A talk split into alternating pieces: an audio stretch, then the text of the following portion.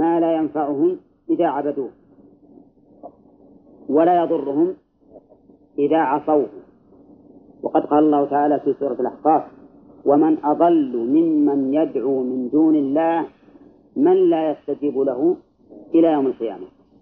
يعني لو قعد يدعو هذا الصنم إلى يوم القيامة ما استجاب له. هل أحد أضل من هذا؟ ما هنا أحد أضل من هذا أبدا. إنسان يحاول إن هذا الصنم ينفعه أو يضره وهو لو يبقى يدعوه إلى يوم القيامة ما استجاب له. هذا من أبلغ ما يكون في الضلال. هنا ما لا ينفعهم ولا يضرهم وكان الكافر على ربه ظهيرا معينا للشيطان بطاعته أي بطاعة الشيطان. الكافر على ربه ظهير معين على الله سبحانه وتعالى. لا لله معين عليه لا له.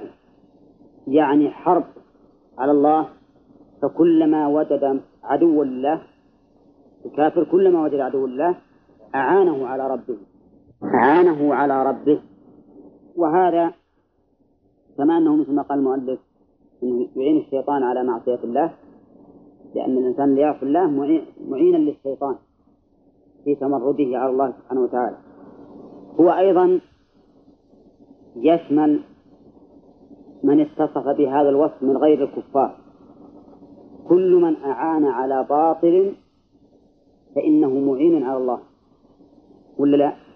كل إنسان يعين أحدا في باطل فإنه ظهير على ربه لأن الله تعالى هو الحق وهو يريد الحق.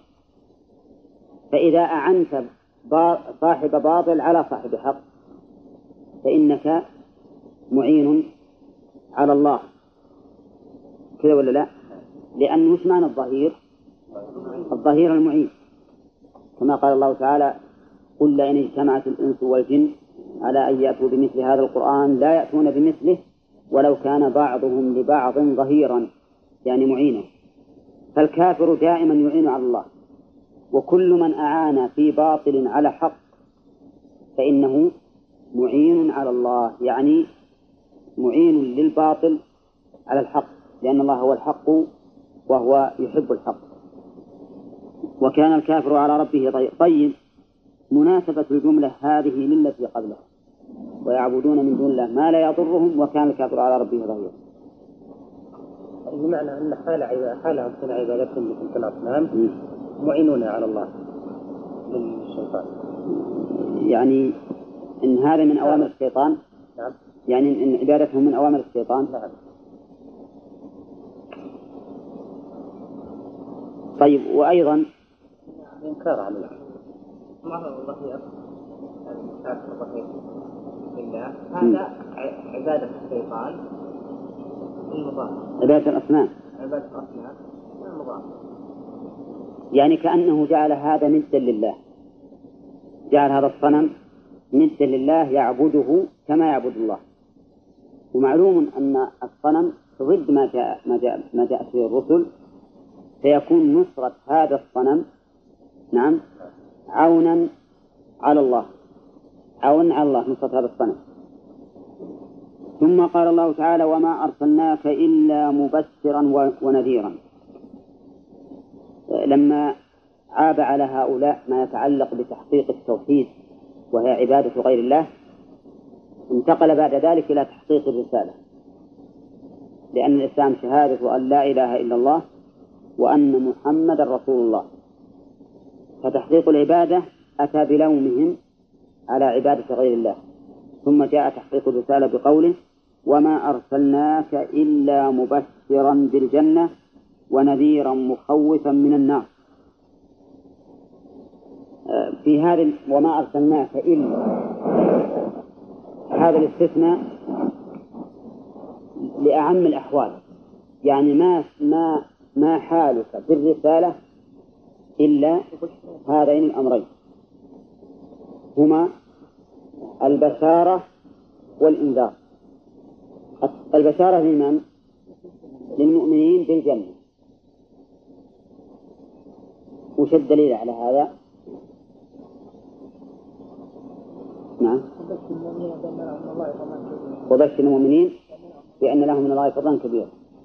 وقال تعالى في سورة الكهف لينذر بأسا شديدا من لدنه ويبشر المؤمنين الذين يعملون الصالحات أن لهم أجرا حسنا ماكثين فيه أبدا وينذر الذين قالوا اتخذ الله ولدا ما لهم به من علم. وقد سبق أن النذير بمعنى المخبر بما يخوف.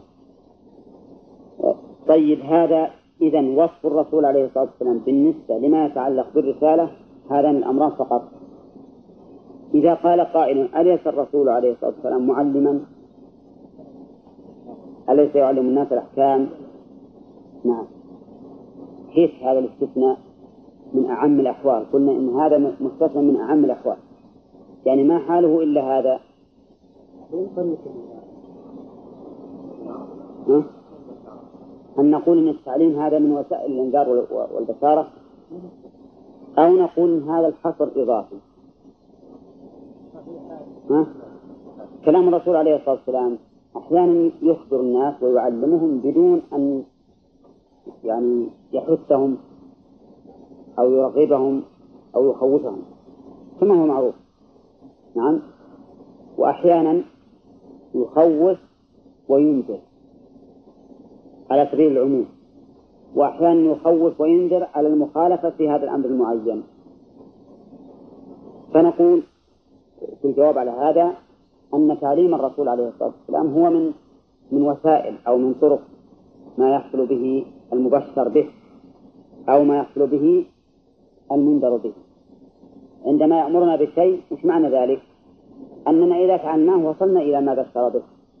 وعندما ينهانا عن شيء معناه أننا إذا وقعنا فيه وقعنا فيما أنذر به عليه الصلاة والسلام.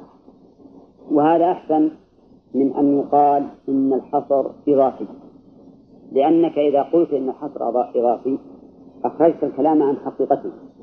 وإذا قلت ما إن هذا من من, من اللوازم بقي على حقيقته ولكن يكون دالا على هذا الشيء بالملزوم قل ما أسألكم عليه أي على تبليغ ما أرسلت به من أجر إلا لكن من شاء أن يتخذ إلى ربه سبيلا طريقا بإنفاق ماله في مرضاته تعالى فلا أمنعه من ذلك. قل ما أسألكم عليه من أجر.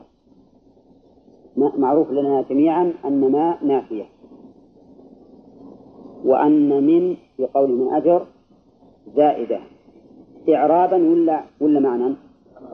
زائدة إعرابا ولهذا يعبر عنها بعض العلماء بقوله صلة. نعم تحرزا من أن يقول إنها زائدة. وفي الحقيقة إذا فهم المعنى زال الإشكال ما دمنا نقول إنها زائدة إعرابا فلا حرج علينا في ذلك. أما معنى فليست بزائدة. فائدتها فائدتها التنصيص على العموم. التنصيص على العموم. لأن أجر نكرة في سياق النفس وهذا من صيغ العموم. لكن عندما تدخل فيها من تكون أدل وأنص على العموم. ما أسألكم عليه أجرا صحيح ما ما في ما في أجر أبدا. لكن من أجر كأنك تشعر أنه من أجر ولا ولا قليل لا قليل ولا كثير. ففائدتها إذن التنصيص على العموم. فائدة التنصيص على العموم. وقوله من أجر إذا قلنا إن من زائدة إعرابا كيف نعرب أجر أجر؟ نقول من حرف جر زائد إعرابا. وأجر مفعول ثان لأسأل. منصوب بفتحة. مقدرة على آخره. منع من ظهورها اشتغال المحل بحركة حرف الجر. الزائد نعم. هكذا إعرابها عندهم. آه، طيب. منصوب محلا ظهور لفظة أي هذا حقيقة فيها احتمال ما قلت. إن محلا منصوبة لكنها هذا إنما يكون في المبنيات. فيها احتمال تقول آه، أجرا مفعول به منصوب. نعم وحرك بالكسر لمناسبة حرف الجر. والمسألة كلها اعتبارية. المهم أن نعرف أن الفعل الآن مسلط عليه على على أجر. مسلط على أجر مباشرة. ما هو بواسطة حرف الجر؟ لأن هذا الحرف من حيث الإعراب زائد. لكن من حيث المعنى له فائدة كبيرة. اللهم وفق. نعم. هنا قال وكان الكافر. نعم. على ربه ظهيرا يعني ما نقول أي عاصي مثلا حال معصيته فهو معين على الله؟ شلون؟ أي عاصي نعم. حال معصيته يكون معينا على الله؟ نعم. صحيح. كبيرة أو صغيرة؟ كبيرة أو صغيرة. لكن هنا قال كان الكافر لأنه يتحدث عن عن من يعبدون مع الله. ولهذا يمكن الإنسان بشر يفوت كثير من الأمور. كان الكافر فيها إظهار في مقام الإضمار. ويعبدون من دون الله ما لا ينفعهم ولا يضرهم. السياق يقتضي أن نقول وكانوا على ربهم. لكن قال وكان الكافر. إشارة إلى أن هذه العبادة أوصلتهم إلى الكفر. وأيضا لفائدة التعميم. لفائدة التعميم يعني إن ولو كان بغير العبادة بغير الشرك يعني حتى مثلا الإنسان اللي, آه، جهري ما يعبد شيئا أبدا هو ظهير على ربه. ثم يا خالد إيه هذا هذا. أعوذ بالله من الشيطان الرجيم. من همزه ونفسه ونفسه. قال الله تعالى الذي خلق السماوات والأرض وما بينهما في ستة أيام.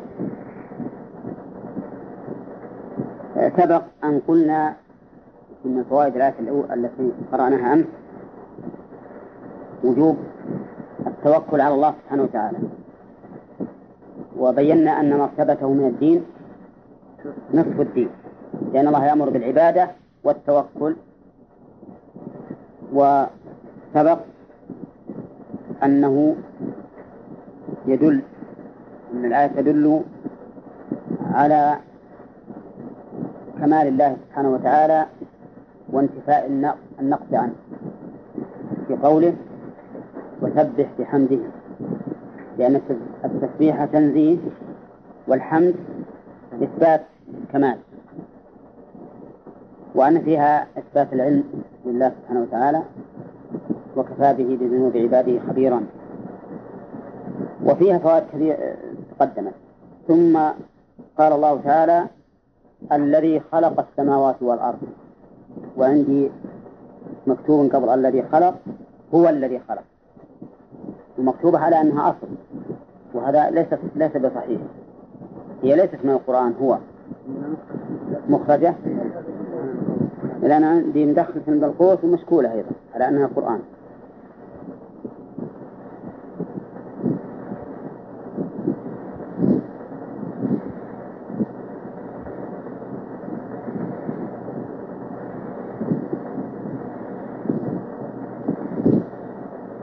قوله هو الذي خلق.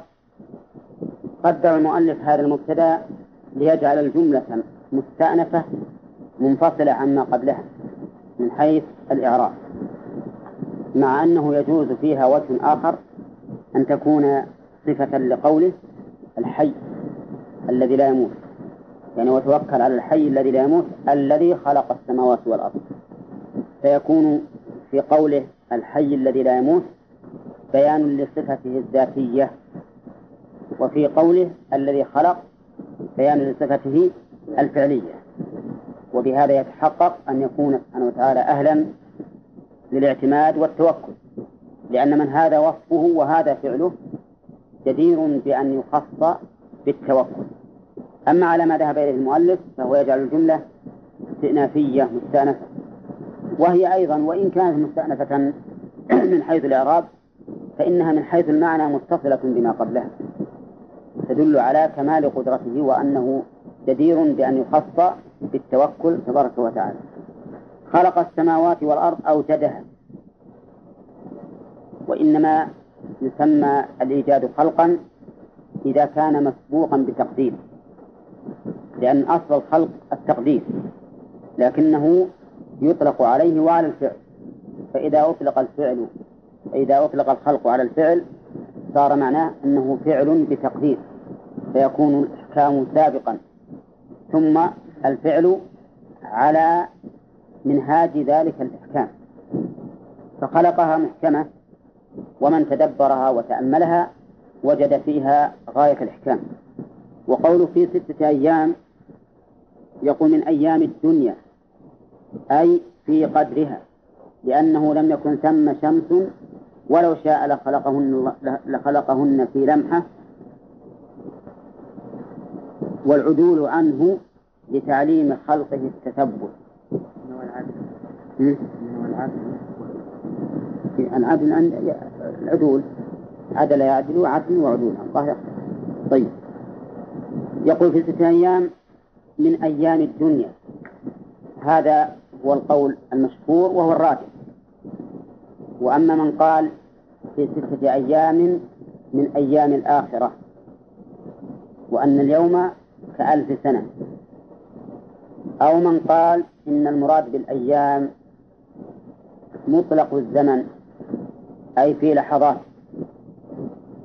فكذلك أيضا قول مرجوح لأن القرآن إنما يخاطب الناس بما يعرفون. والذي يعرف تعال فتحناها بالتسلق يا حمد. أقول اقمز عليك؟ فالصحيح أن المراد ستة أيام من أيام الدنيا كما قال المؤلف. أولها يوم الأحد وآخرها يوم الجمعة. فإنه به تم خلق السماوات والأرض وخلق آدم في آخره. وقوله أي في قدرها لأنه لم يكن ثم شمس. وتقدير الأيام بالشمس. والشمس غير موجودة حين الخلق. فعلى هذا يكون المراد في أيام أي في قدر هذه الأيام الستة. ثم أورد المؤلف جوابا عن سؤال يفرضه الذهن وهو أن يقول قائل لماذا لم يخلقهن الله سبحانه وتعالى بكلمة؟ إنما أمره إذا أراد شيئا أن يقول له كن فيكون. يكون على مراد الله سبحانه وتعالى. أجاب بأنه فعل ذلك لتعليم خلقه التثبت. هذا ما جرى عليه أهل العلم أن الله علمهم آه يعني خلقها في ستة أيام ليبين للعباد أن المقصود الإحكام لا الإسراع المقصود الإحكام لا الإسراع فيتثبت الناس فيما يفعلون حتى فيما قدروا عليه. فإنه ينبغي أن يلاحظوا فيه الإحكام. دون الإسراع في تنفيذه. ورأيت كلاما لبعضهم حسنا. قال إن خلق السماوات والأرض له أسباب وهو عبارة عن تكوين والتكوين هذا يحتاج إلى مدة. يعني مثل ما ينشأ الجنين في بطن أمه شيئا فشيئا بمدة. كذلك هذا الخلق له أسباب له أسباب كونت هذه الأسباب كانت في هذه المدة في ستة أيام. لكن هؤلاء الذين يقولون بهذا القول يرجحون القول بأن المراد بالأيام أيام الآخرة الطويلة علشان تكون التطورات التي أدت إلى الكمال مناسبة. وعندي أن هذا ليس بلازم لأن الله تعالى قادر على أن يجعل هذه الأسباب التي من شأنها أن تمتد لعظم المخلوق أن يكون ذلك بهذه السرعة. والله أعلم إنما التعليل هذا الأخير يكون معناه سبب تأخرها وأنها لم تنتهي إلا في ستة لأنها تحتاج إلى تطورات. هذه التطورات شيئا فشيئا حتى تنتهي إلى الكمال. كما هو كما هو المعروف فيما نشاهد مما يخلقه الله سبحانه وتعالى من غير السماوات والأرض. نجد أن هذه المخلوقات ما تأتي هكذا دفعة وإنما لها أسباب وأحوال تتطور إليها حتى تصل إلى درجة الكمال. نعم. والمؤلف لم يكن ثم شمس نعم. محل هذا؟ إي نعم لأن الشمس إنما خلقت بعد ذلك. لقوله تعالى وأوحى في كل سماء أمرها. بعد ما خلقها أوحى فيها أمرها وهذا يشمل كل ما يتعلق بالسماء لا. لكنه خلق في آخر يوم الجمعة أو في يوم الجمعة بعد زمن طويل.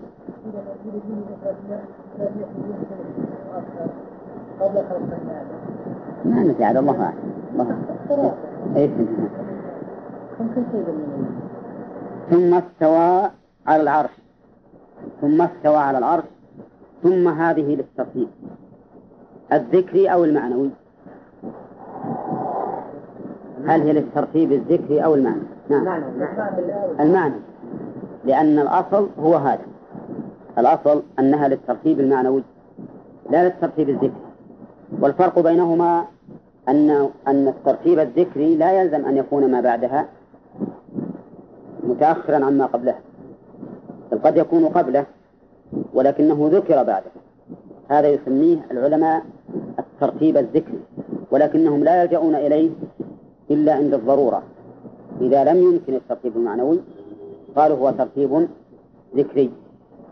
وأنشدوا عليه البيت المشهور الذي لا أعلم قائله وهو إن من ساد ثم ساد أبوه ثم ساد من بعد ذلك جده. قالوا إن هذا من باب الترتيب الذكري لأن سيادة الجد متقدمة على سيادة الأب وسيادة الأب متقدمة على سيادة الابن. هذا هو المعروف والمعهود. وإن كان قد يكون الأمر بالعكس قد يكون الحفيد يسود وبسيادته يسود أبوه ثم يسود جده لكن المعروف بالعكس على كل حال هذا الترتيب في الآية ترتيب ترتيب معنوي. لأنه الأصل ولا يلجأ للأول إلا عند الضرورة. وقوله استوى يعني على على على العرش. وهذا العلو علو خاص. ليس كالعلو على سائر المخلوقات. فإن الله سبحانه وتعالى عال على جميع المخلوقات. علوا مطلقا. لكن هذا العلو على العرش علو خاص. وهو يدل على كمال العالي. لأن هذه اللغة هذه المادة سواء تدل على الكمال من حيث هي تقول استوى الثمر بمعنى كمل نضجه وتقول استوى الرجل بمعنى كمل عقلا ولما بلغ أشده واستوى. هنا إذا تعدت بعلى صارت دالة على العلو لكن متضمنة للكمال. فعلى هذا يكون استوى بمعنى على علوا خاصا على وجه الكمال على وجه الكمال. وقول المؤلف على العرش هو في اللغة سرير الملك هذا العرش. يعني ليس كل كرسي يسمى عرشا. كرسي المعلم ما نسميه عرش ما نسميه عرشا لكن الكرسي الخاص بالملك يسمى عرشا. هذا في الأصل في اللغة.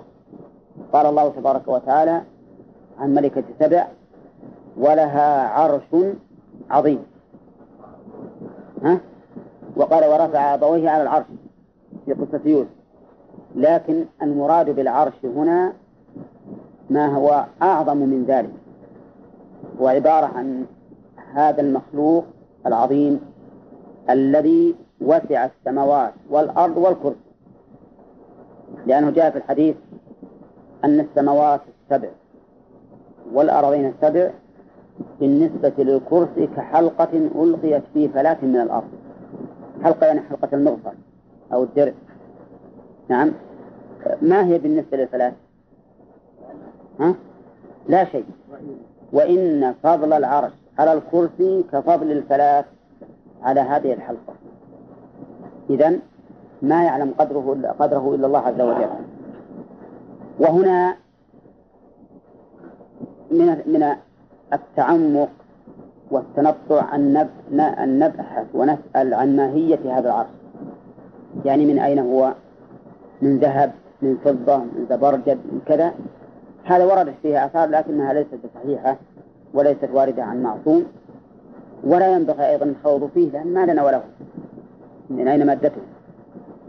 إن المهم أن نعرف عظم هذا العرش وأنه هو الذي استوى عليه الله عز وجل. يقول المؤلف الرحمن بدل من من ضمير استوى أي استواء يليق به.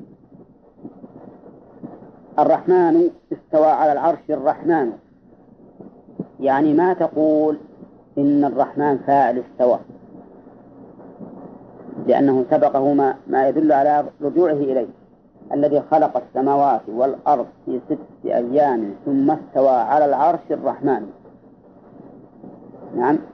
يعني كلام المؤلف يقول إنه لا يعرب على أنه فاعل استوى لأن لأنه سبق ما يدل ما يرجع إليه الضمير في استوى. سبق ما يرجع إليه الضمير في استوى.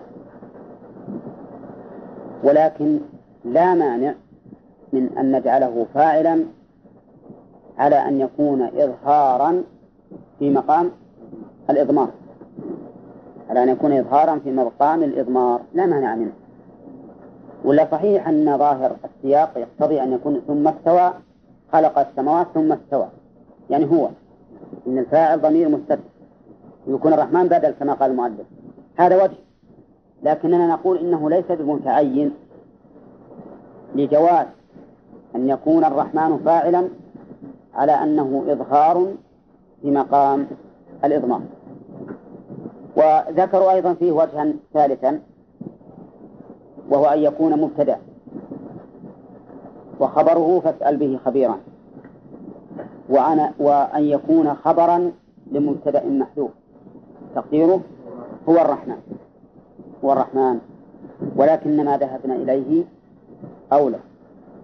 ويكون فائدة الإضمار هنا بيان أن هذا الاستواء والعلو الخاص ليس كعلو المتجبرين المتكبرين بل هو علو رحمن واسع الرحمة لأنه عادة البشر أو الملوك إذا إذا استووا على عروشهم أن يكون لديهم من الجبروت في الغالب والعظمة ما يتخيلونه إذا استوى على عروشهم. ولكن الله سبحانه وتعالى مع علوه العظيم على عرشه العظيم هو رحمن واسع الرحمة تبارك وتعالى ثم استوى على عرش الرحمن. وقول المؤلف أي استواء يليق به. السؤال الأول على هذه الجملة هل هذه الجملة تدل على أن المؤلف لم يحرف؟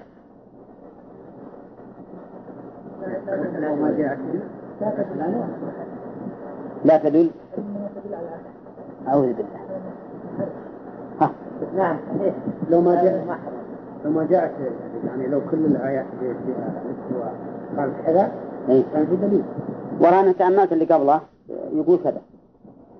أنا راجعت عدة مواضع يقول كذا. سواء يليق به ها؟ هذه مقالة. اي طيب ما خالف. أنت تقول انها تدل على أنه لم يحرر لا بس ها كلمة السواء يعني ربما يكون لا على الرحمن العلو. إيه؟ طيب وانت وش تقول تقول تدعي العكس. لا العكس لأنه لم يقل المعنى اللغوي بعلى قرارا لأنه لم يقل في العلو عن الأرض انما يقول سواء يليق به اضطرارا من هذا. هو يعطيك هذه الجملة ليقنعك أنه على مذهب السنة كما هو اعتقاد البعض ولكنه إيه؟ لأنه لو كان يريد العلو الحقيقي الذي فسره علماء السلف لقال على أو صعيد أو كذا. على وجه يليق به. هي في الحقيقة ما تثبت ولا تنفي أنا في, في رأيي لأنه ما ذكر إلا صفة الاستواء فقط. يعني ما يعني ما تعرض إلا لأن الصفة إلا بأن صفة الاستواء تليق به لكن معنى الاستواء ما تكلم عليه. لكن في الحقيقة أنا أرى أن هذا يومي إلى مذهب أهل السنة والجماعة لأنه لو كان لو كان يرى أن استوى بمعنى استولى ما قال استواء يليق به. إذ لا إذ لا يمكن أن يكون معنى استولى استيلاء يليق به. استولى استيلاء يليق به. وإنما يكون مثل هذا التعبير فيما إذا جعل الاستواء صفة. من صفة ملك صفة فعل. فيقول استواء يليق به. لكن مع هذا ليس ذلك ليس هذا التفسير بكامل. ليس هذا التفسير بكامل. وكان وكان عليه أن يقول على على وجه يليق به. على على وجه يليق به. واضح؟ ها؟ يقع بين الرأيين فهرب عن لا لا ما هو ما هو لا لا لو لو أراد لقال استوى بما استولى مثل ما قال وجاء ربك هو فسرها بقوله جاء أمر ربك. ثم آيات العلوم كلها أول أي. أي نعم نعم. هو على كل حال كلامه هنا كلامه هنا ما يدل لا على إثبات ولا على نفي لكن فيما أعتقد أنه يدل على التفسير بمعنى العلوم. إذا الاستيلاء لا يقال إنه استواء استيلاء يليق به. ما يتصور هذا. لكن مع ذلك ما فسرها كما ينبغي. وكان الذي ينبغي أن يقول استوى على العرش على عليه. علوا يليق به. إحنا ما أمامنا إلا هذا. الآية هذه. وأنا تتبعت اللي قبله المواضع وجدته يقول هذا وأنا استغربت الحقيقة. ترى هذا الذي معنا ما هو بسيط هذا المحل. لأن السيوطي فسر أول القرآن والمحل فسر آخر. فأقول إني أنا استغربت هذا مع أنه هو لا يقر بالعلو الذات وهذا من الغرائب. يعني يعتبر طريقة متناقضة بالنسبة للمؤلف. يعتبر طريقة متناقضة. فالصواب إذا على كل حال استواء يليق به معناه صحيح. لكن تحتاج إلى تكميل. وهو أن يفسر أن يصرح ويوضح معنى الاستواء. استوى على العرش على عليه. على وجه يليق به. فإذا قال قائل أليس الله عاليا على جميع المخلوقات؟ فالجواب بلى. لكن هذا العلو علو خاص. علو خاص بالنسبة للعرش وقد مر علينا في العقيدة ولا حاجة إلى التكرار أن أهل التعطيل حرفوا معنى الاستواء إلى معنى الاستيلاء. وبينا هناك أن هذا التحريف باطل من عدة أوجه لغوية وشرعية وعقلية. نعم وأنه يلزم على هذا التفسير لوازم باطلة لا تليق بالله سبحانه وتعالى. وقوله الرحمن أي المتصف بالرحمة. الرحمن يعني المتصف بالرحمة وهي إذا أفردت عن الرحيم دلت على الصفة والفعل. والرحيم أيضا إذا أفرد عنها دل على الصفة والفعل. وإذا اقترنتا فسر الرحمن بما يتعلق بالصفة والرحيم بما يتعلق بالفعل. مفهوم هذا؟ فعلى هذا هنا انفردت الرحمن. فيكون تشمل الصفة والفعل. وش سؤالك يا قوله سبحانه وتعالى في آية الكرسي نعم السماوات والأرض نعم. وهنا يقول ثم استوى على العرش كيف لو جاء واحد مثلا قال كيف تجمعون بينهم ويقول الله سبحانه وتعالى استوى وسع كرسيه السماوات والأرض وهنا يقول ثم استوى على العرش كيف الخلاف فيها؟ ما بين الخلاف. أبدا. وش الخلاف؟ عنه وش تصور الخلاف؟ وسع كرسيه اي وش معنى؟ دام إن العرش فوق الكرسي اي وهنا الكرسي كان وسع. شامل السماوات والأرض. يعني لعظمه وكبره يكون واسعا لهما جميعا لكل السماوات والأرض. الكرسي اي والعرش فوق. والعرش فوق. ما في مناقضة. طيب ثم استوى على العرش الرحمن. فاسأل أيها الإنسان به بالرحمن خبيرا يخبرك بصفاته. نعم. وتكون الرحيم تدل على الفعل. إذا اقترن اي نعم. لأن فعيل تدل على على إيقاع الفعل. تدل على إيقاع سميع بمعنى سمع الصوت رحيم بمعنى رحم الخلق والرحمن مثلها كلمة غضبان. يعني ممتلئ غضبا.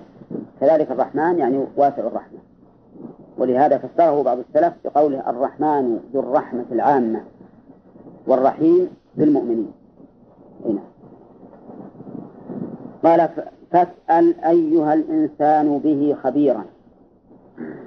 المؤلف جعل الخطاب في قول فاسأل ليس للرسول صلى الله عليه وسلم بل لجميع من يصح منه الخطاب من يصح خطابه. أيها الإنسان به بالرحمن خبيرا خبيرا يعني به بذاته وأسمائه وصفاته وأفعاله وأحكامه. اسأل به خبير. وقول اسأل به. قد يقول قائل إن المتبادر أن يقول اسأل عنه. اسأل عنه خبيرا. لأن السؤال بمعنى الاستفهام يعدى بعن. أولا تقول سألت بفلان ولا عن فلان؟ عن فلان. سألت عن فلان. فكيف نجيب عن التعدية بالباء مع أن المتبادر أن يتعدى بعن؟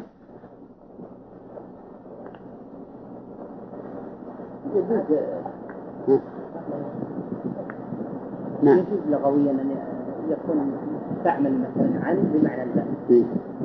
الباء بمعنى عن. الباء بمعنى. طيب عندك شاهد على هذا؟ لا مذهبين مذهب البصريين إيه. يضمنون اما الفعل تضمين آخر لفعل اخر ويعدى بالباء وإلا يضمنون حال يعني يجعلون عنه قوله تعالى سورة الإنسان عين يشرب بها بها المقربون يعني يشرب بها عباد الله. يشرب عباد الله. فيشرب بها عباد الله يعني فيها ضمن مما نقول عنه يعني أن تقول الباب بمعنى عن هذا الخاص أو نجعل اسأل بمعنى فعل يناسب أن يتعدى بالباء طيب ما هو الفعل الذي يناسب أن يتعدى بالباء؟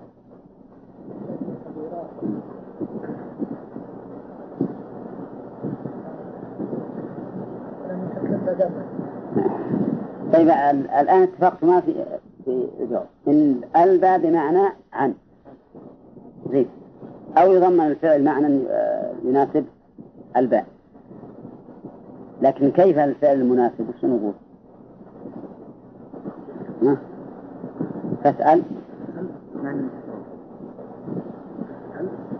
إيه؟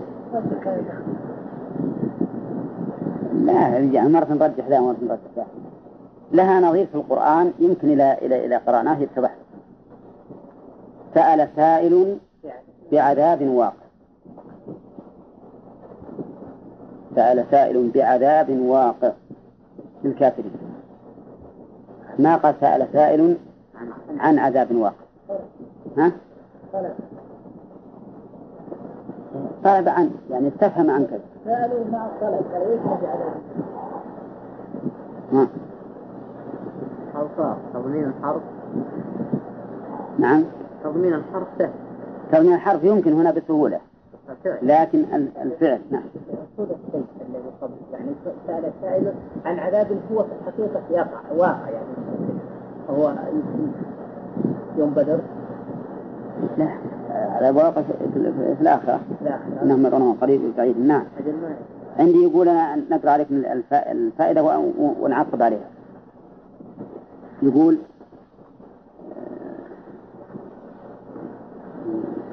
اسأل به أي يسأل عنه خبيرا أي عالما بصفاته فسأل به أي بتفاصيل ما ذكر إجمالا من الخلق والاستواء لا بنفسهما فقط إذ بعد بيانهما لا يبقى إلا السؤال حاجة ولا يزداد الجزاء فائدة. فإن مبني على تضمينه معنى الاعتناء. اسأل به خبيرا يعني اعتني بالسؤال عنه. واسأل خبيرا. هذا هذا التضمين.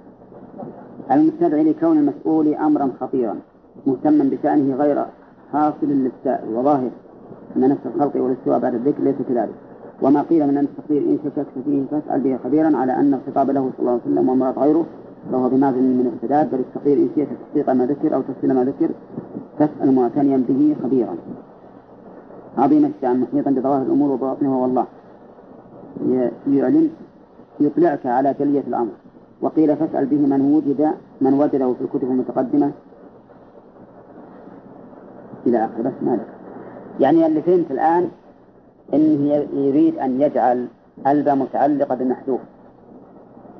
حالا من فاعل اسأل. فاسأل معتنيا به نعم خبيرا. فاسأل معتنيا به خبيرا. أو مهتما به خبيرا. هذا وجهين الوجه الأول أن يكون ألبى بمعنى عن وهذا واضح فاسأل عنه خبيرا. والثاني أن تكون متعلقة بمحذوف تقديره معتنيا أو مهتما به حال من الضمير المستتر فيه. فاسأل به خبيرا. نعم. وعندي أيضا في احتمال إن تسأل تجب به خبيرا يعني كأنه ضمن السؤال ما يدل عليه ما يدل على الجواب. مثل ما قيل في سأل سائل بعذاب واقع سأل سائل وأجيب بعذاب واقع. يكون هذا الباء عدل عن عن لأن عن إنما تدل على مجرد السؤال والباء تدل على الإجابة أيضا. وعلى كل حال فالمعنى إن هذا الرحمن الذي خلق السماوات والأرض واستوى على العرش اسأل عنه خبيرا يخبرك فمن المراد بهذا الخبير الذي أمرنا الله تعالى أن نسأل أن نسأله؟ من هذا الخبير؟ هو الله. هو الله. فكأنه سبحانه وتعالى يقول اسأل به خبيرا يعني خذ الخبرة والعلم مني لأني خبير بنفسي. هذا المعنى. ومنه قول عائشة رضي الله عنها على الخبير سقط تعني نفسها حينما سئلت عن مسألة نسيت نسيتها لكنها قالت على الخبير سقط تعني نفسها فالمعنى اسأل عن الله سبحانه وتعالى خبيرا به وهو نفسه. وهذا يستفاد من الآية. الآن نأخذ الفوائد. آه ثلاث الأول بمعنى أي نعم. والثاني؟ بمعنى معتنيا به. أن تكون متعلقة بحال بمحذوف حال من الضمير والثالث أن تكون دالة على الجواب تجب به. طيب. يا شيخ. نعم. ما نقول مثلا هذه خبيرة مثلا كلمة تعملها العرب على سبيل على سبيل مثلا الإغراء مثلا على سبيل تعظيم المسؤول يمكن أن يكون هذا. يعني يمكن أن تتضمن هذا. بمعنى أنك تسأل به خبيرا يعني اسأل من هو من أعظم الناس خبرة بما يخبرك به. يعني قصدك أن تكون إي نعم فاهم فاهم فاهم كلام فاهم كلام يعني معناه إننا أخبرناك بذلك ونحن أعلم من نخبرك به. فكأنه من باب التعظيم والمبالغة قال فاسال به خبيرا. وانه ليس المراد حقيقة السؤال إنما المراد التعظيم يعني ما أعظم من أخبرك خبرة. هذا وجه جيد ولا ولا يمانع الايه يمانعه نعم. نعم. كيف؟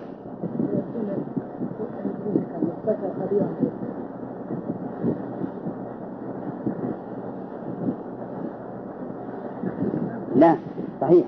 إذا إذا قلنا متعلقة بخبيرا واضح. ولا تحتاج إلى أي تفسيرات. يعني فاسأل خبيرا به يخبرك عنه. تسأل خبيرا به يخبرك عنه.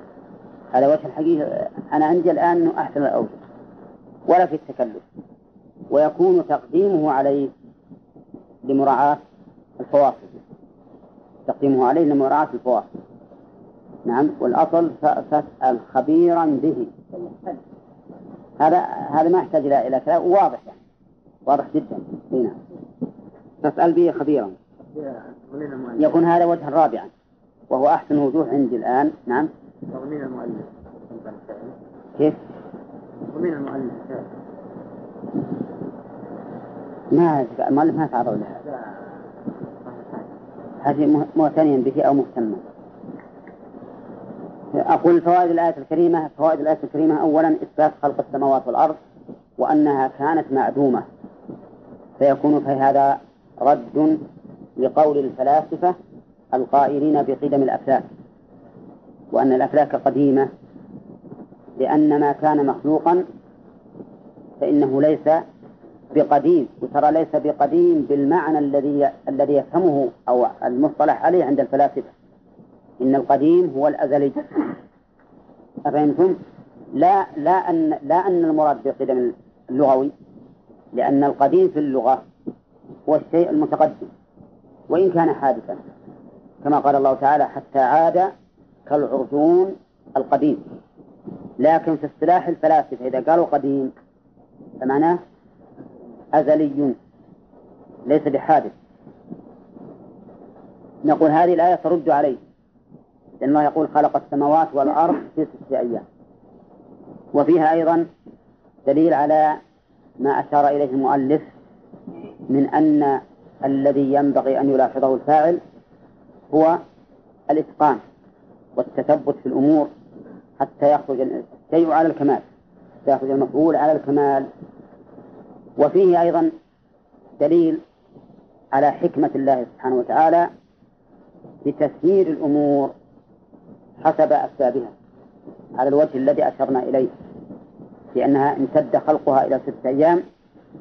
لأن أشياء تتطور وتتعلق بأسباب معينة تكمل في هذه المدة.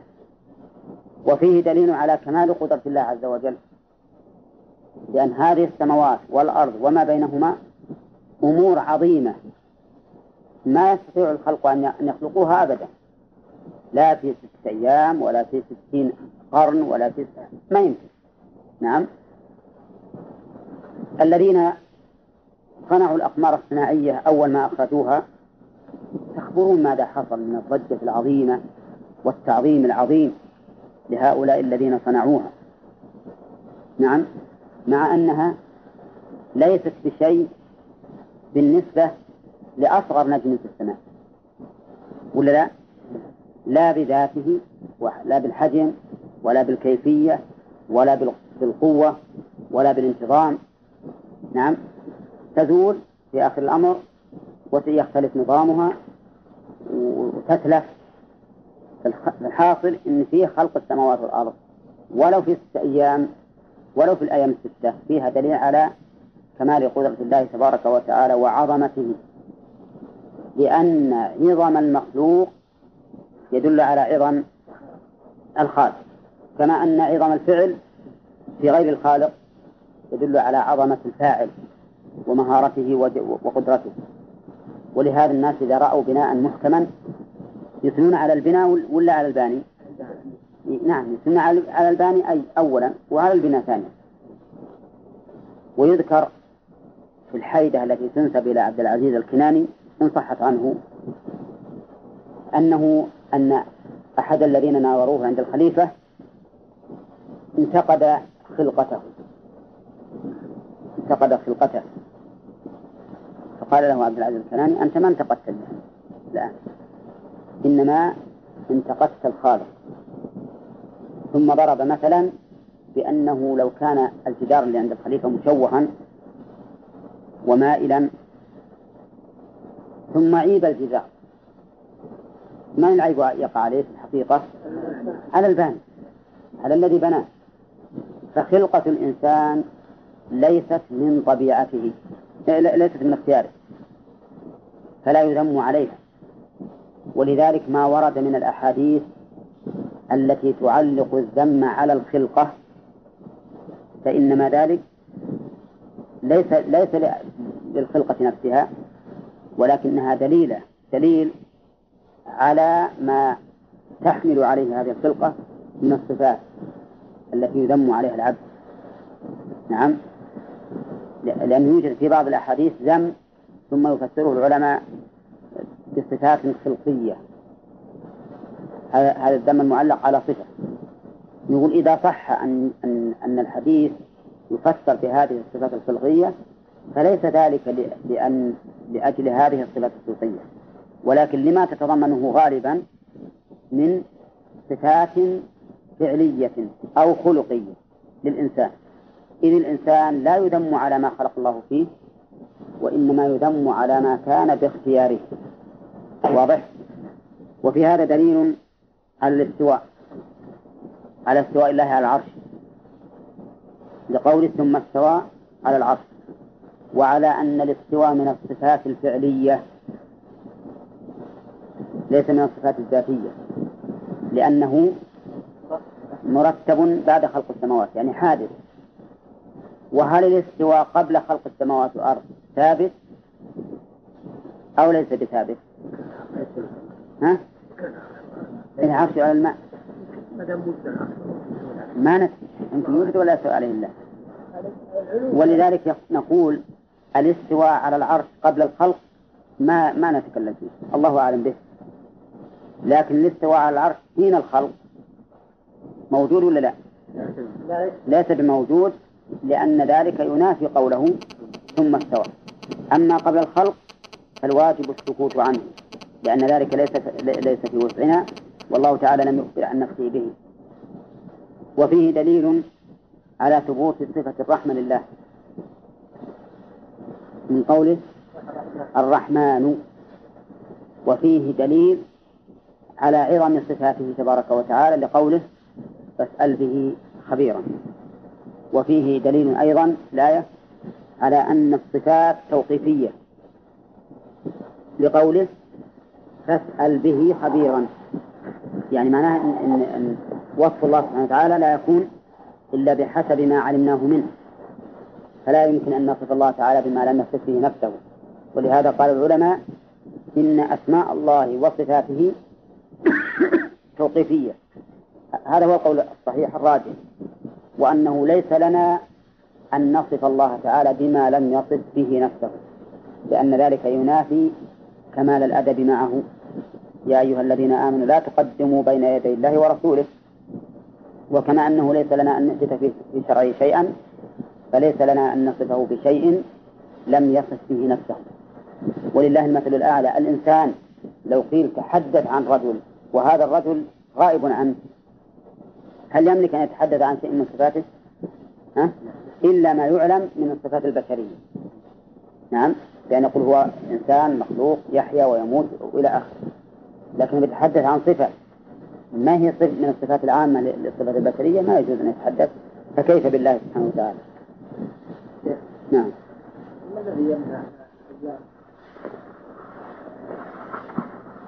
القيام على ما أراد سبحانه وتعالى من من أيام الله لأن هذه المسألة في والأرض ليست من الأمور المتعلقة بالمخلوقين حتى نقول بما بما وإنما هي مسألة مسألة خلق السماوات والأرض مسألة تتعلق بالخالق بحت فنقول إنها في أيام هو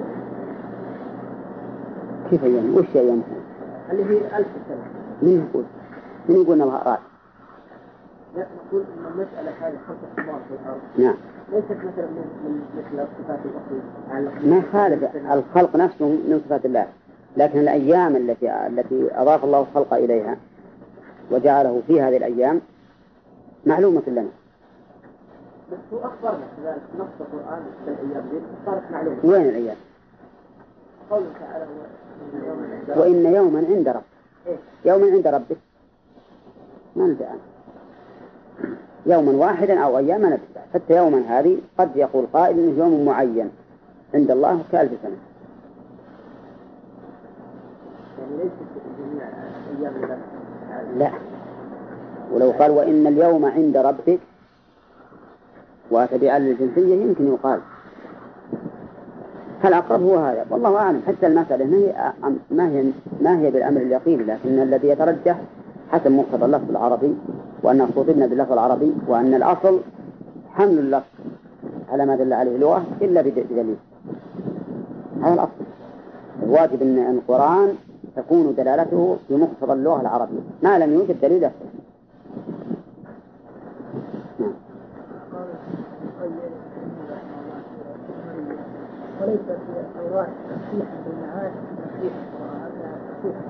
نعم. رغم أن الآيات القرآنية عموم من ال فرعون عليه السلام لا تكون حتى فيها فيها المعاني. إي لكن لكن تقرير المعاد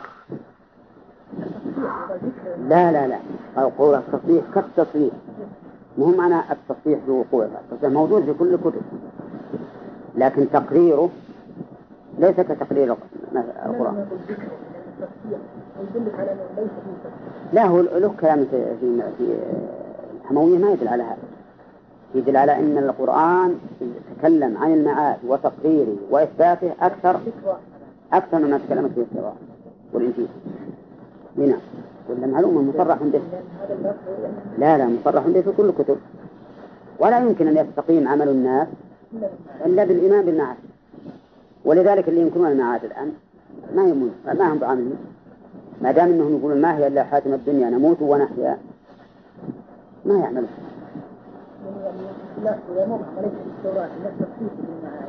لا يعني من التصريح كالتصريح يعني المراد تقريره على أوجه شتى لأن الله سبحانه وتعالى قرر المعاد في القرآن ليس بطريق واحد بعدة طرق وإحنا أشرنا مرة إلى إلى إلى أن آخر سورة ياسين في عشرة أوجه كلها تقرر المعاد نعم عشرة لكن بعضها أصح من بعض. نعم. أيهم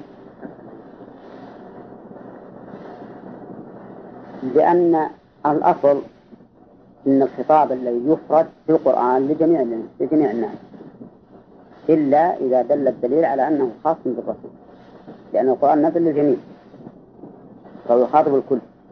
ما لم يدل دليل على أنه خاص بالرسول مثل ألم نشرح لك صدرك؟ هذا معروف من خاص بالرسول عليه الصلاة والسلام. ومثل يا أيها الرسول صرح أنه ينادي الرسول وحده. يا أيها الرسول بلغ. يا أيها النبي إنا أرسلناك شاهدا.